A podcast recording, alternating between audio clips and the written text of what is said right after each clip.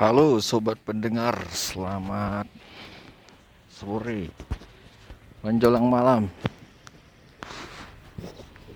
Kembali kita mendengarkan ya sama-sama berdiskusi secara ya berdiskusi dengan diri sendiri lah ya. Dalam situasi yang sama perjalanan menuju Tanah Abang berjalan kaki sambil mendengar jualan tahu bulat 500-an dengar kan? Nah teman-teman sekalian mari kita diskusi kembali kali ini mengenai stoikism. Wow bahasa yang lumayan berat ya. Tapi sebenarnya simpelnya itu adalah sebuah kalimat menyatakan bahwasanya tidak usah fokus dengan sesuatu yang tidak bisa kita kendalikan. Tapi fokuslah dengan apa yang bisa kita kendalikan. Ya. Seperti halnya baru saja tadi atasan saya memanggil di kantor. Saya dengan staf saya dapat informasi uh, untuk menghadiri undangan di Bali. Kebetulan saat ini sedang uh, dilaksanakan konferensi tingkat tinggi G20 di Bali. Nah, kita ada undangan untuk menghadiri rangkaian acara tersebut. Undangan itu ada kaitannya dengan tugas-tugas yang sudah kita laksanakan, yang kita telaah, yang kita curahkan perhatian kemudian kompetensi kita untuk menghasilkan suatu produk berupa nota kesepahaman bersama. Kita meneliti itu dari aspek legal. Nah di antara reward yang kita inginkan itu adalah uh, perjalanan dinas ya. Karena perjalanan dinas itu ada honor tambahan di luar daripada gaji dan tunjangan ya lumayan lah sejuta. Kurang lebih satu juta kita bisa bawa pulang bersih seperti itu. Nah ketika dipanggil oleh pimpinan dan ternyata yang ditunjuk berangkat itu bukan saya tapi staff saya. Nah ketika itu ini perasaan jujur. Perasaan jujur saya menyikapi uh, kenyataan tersebut saya betul-betul slow. Sangat slow. Tidak ada protes dalam gejolak ya. Pastinya gejolak ataupun protes ya seorang atasan kepemimpinan ya gejolak dalam hati ya. Jujur ya tidak ada sedikit pun merasa iri. Saya tidak ada merasa wah ini kan hak saya nih. Kan saya seharusnya berangkat kemudian saya protes. Tidak ada sama sekali dan saya slow aja. Kenapa saya bisa mempraktekkan hal seperti itu? Ya alhamdulillah ya. Saya kira memang karena ya karena saya meyakini ada sebuah prinsip stoikism yaitu fokus kepada apa yang kita kendalikan saja Pertanyaannya kemudian, siapa yang bisa mengendalikan keputusan dari atasan saya itu ketika menunjuk staf saya yang berangkat bukan saya.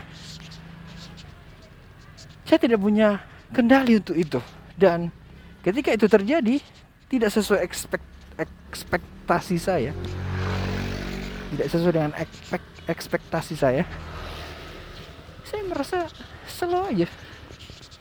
Nah, teman-teman pendengar sekalian, inilah yang ingin saya uh, ingin diskusikan dengan teman-teman semua. Bahwasanya memang kita harus senantiasa fokus kepada apa-apa yang bisa kita kendalikan dan tidak usah pedulikan apa pun yang di luar daripada kendali kita. Kalau kita bisa mempraktekkan prinsip ini, maka sungguh sangat tenang sekali hidup ini. ya saya ulangi sangat tenang sekali hidup ini. Karena semuanya khususnya dari perasaan ya bahkan imbas kepada fisik kita itu memang sumbernya adalah pikiran ya baru saja di siang hari ketika makan siang salah seorang rekan kerja saya itu bercerita ke saya bercerita tentang apa yang baru saja ia alami. Tentang bagaimana orang-orang ya beberapa orang menganggap dia dengan pandangan yang rendah underestimate ya. Saya tidak percaya seorang laki-laki teman saya itu yang ya cukup cukup gagah cukup cukup cukup kuat dan umurnya itu jauh di di atas saya bisa menitik, menintikkan air mata karena apa? Karena merasa direndahkan oleh seorang perempuan yang itu adalah atasannya sendiri. Dengan kata-kata kalau menurut saya, kalau saya pribadi itu tidak ada masalah. Tapi teman saya itu menganggap hal itu begitu beratnya sehingga saya tidak pernah melihat dia menangis. Kali itulah sekali saya melihat dia menangis dan memang cukup menyedihkan lah. Beliau tidak bercerita tentang hal ini kepada siapa pun karena beliau malu. Tapi saya yang melihat ini, ya saya juga terbawa suasana dan emosional juga ya. Ya salah satu saran saya ke dia adalah, bro, kalau kau jadi, kalau aku jadi kau, aku datangi orangnya. Aku sampaikan. Aku sampaikan bahwasanya kata-kata dia itu sudah lama sering terdengar oleh oleh kau. Dan perlu kau sampaikan bahwasanya itu sungguh-sungguh menyakitkan. Iya, pasalnya adalah teman saya ini sering menceritakan hal yang serupa. Dan ini memang adalah uh, puncaknya ya memang ya membuat dia sangat-sangat sedih atasannya itu sering berbicara hal-hal yang menyakitkan. Ya ini mungkin ada kaitannya dengan budaya ya, kultur. Kebetulan atasannya itu adalah orang timur, ya, seperti saya juga. Orang timur, saya orang barat memang, orang bagian orang Aceh. Lahir di pesisir. Kemudian ketika berbicara cukup tegas dan nada dengan ting nada tinggi. Ya sama halnya dengan atasan dia tadi. Orang timur lahir di di pesisiran dan susah untuk berbicara dengan nada yang rendah. Karena memang itu kultur yang tidak bisa kita dengan mudah untuk mengubahnya. Nah makanya ketika saya memandang kasus yang dialami oleh teman saya tadi saya melihat itu biasa men. Biasa saja. Tapi itu sungguh menyakitkan bagi dia. Pada akhirnya saya katakan kalau hal itu tidak suka sampaikan. Dan saya juga menyampaikan kepada dia terkait dengan prinsip stoikism. Mudah-mudahan dia memahaminya. Bahwasanya mulut dari atasan dia itu. Dan teman-teman yang tidak menyukai dia itu dia tidak bisa kendalikan. Yang bisa dia kendalikan adalah sikap dia. Nah terkait dengan bagaimana agar mengurangi hal-hal yang menyakitkan yang bisa saja ia akan hadapi di masa depan khususnya berkaitan dengan hubungan hubungan industrial antara dia dengan atasannya itu caranya adalah sampaikan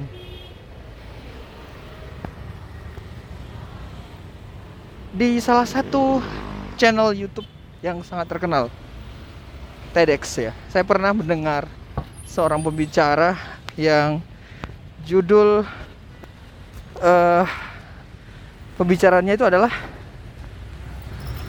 Do not take it personally. Jangan ambil hati. Apa pun itu. Nah, di antara inti yang inti dari apa yang ia sampaikan adalah ada dua cara ketika engkau menghadapi sesuatu yang menyakitkan hatimu. Ya. Yang pertama adalah anggap bahwasanya dia tidak sedang berbicara denganmu. Ya, atau dia tidak sedang menyakitimu. Dan yang kedua, kalau memang dia bermaksud menyakitimu, maka yang kau lakukan adalah sampaikan, saya sakit hati, saya tidak suka. Ya, dia mencontohkan ketika kita dalam berkendara lah, katakanlah di sebuah jalan raya, kemudian kita agak sedikit lama naik motor atau naik mobil, tiba-tiba orang di belakang kita membunyikan klakson dengan klaks, dengan suara yang sangat besar dan panjang, Tat! gitu. Dia kemudian berteriak lagi, woi, cepat. Nah, kalau kita tidak paham dengan cara berpikir yang disampaikan oleh pembicara ini tadi, tentu saja spontan emosi. Ya jawaban kita apa? Kau mau apa? Kan pasti pasti seperti itu. Kita keluar mobil atau terjadilah adu jotos di sana. Tapi apa yang dia sarankan adalah saran yang pertama. Yang itu yang memang paling ampuh ketika dalam kondisi seperti itu ya. Dalam perjalanan kita tidak kenal dengan orang, yang ada di belakang kita kemudian dia marah-marah karena dia menganggap kita terlalu lama berkendara. Apa yang dalam pikiranmu? Seharusnya adalah bayangan bahwasanya dia tidak berbicara dengan saya. Itu bukan tentang saya itu tentang dirinya yang bisa saja lagi buru-buru. Buru-buru kah? Atau buru-buru dalam hal misal ia harus ke rumah sakit mengantarkan uh, saudaranya keluarganya atau ya ada panggilan yang harus dia tunaikan segera dan hari itu memang betul-betul sangat uh, hari yang payah bagi dia. Nah, kalau kita praktekkan hal ini, maka sungguh mudah sekali kan. Kita dalam kendaraan kemudian ada orang marah-marah di belakang. Oh, lagi ini mungkin, lagi ke rumah sakit ya, lagi bergegas. Kaitannya dengan teman saya tadi yang barusan saya bicarakan adalah bisa saja bisa saja apa yang disampaikan oleh atasan dia itu adalah hal yang menyakitkan. Tapi kalau dia membayangkan bahwasanya yang ngomong itu adalah uh, orang yang gak paham sebenarnya apa yang terjadi kan begitu? Dan yang dibicarakannya itu adalah bukan tentang dia maka itu akan dengan mudah atau dengan cara yang kedua? Kalau itu memang atasannya itu bermaksud untuk memberikan pelajaran bagi dia dan dia tahu bahwasanya setelah dia mengucapkan hal itu maka dia akan menyakiti hatinya. Sampaikan saya tidak suka dengan pembicaraanmu. Ada hal yang perlu dikonfirmasi di sini. Ya sederhana ini loh para pendengar sekalian kita sudah sampai ke hampir sampai ya ke Tanah Abang. Saya menyeberang di antara uh, kendaraan-kendaraan yang lalu lalang yang tak pernah berhenti di kota Jakarta ini. Melihat anak-anak SMA kemudian turun dari truk entah apalah tujuan mereka ke sini sudah sore seharusnya mereka pulang ya kembali melihat pedagang gorengan pedagang headset tukang parkir, pedagang uh, minyak, pedagang nasi. Mereka menikmati apa yang mereka sedang kerjakan. Tentunya hal-hal yang berkaitan dengan uh, kesedihan atau sukacita dengan apa yang mereka kerjakan itu adalah hal yang lumrah. Itu pasti ya, di mana pun kita berada, di mana pun kita bekerja, pasti ada saja hal-hal yang membuat kita senang atau yang membuat kita sedih. Tapi kawan, satu hal yang ingin saya uh, ingin berbagi kepada teman-teman sebuah bahwasanya prinsip stoikisme itu dalam dalam segala keadaan khususnya di konteks pekerjaan adalah sangat penting sekali. Sekali lagi, stoikisme mengajarkan kita tentang fokus kepada hal-hal yang bisa kita kendalikan dan tinggalkan untuk susah-susah memikirkan hal-hal yang di luar daripada kendali kita. Terima kasih para pendengar sekalian. Sampai jumpa, semoga bermanfaat. Salam sukses selalu. Assalamualaikum warahmatullahi wabarakatuh.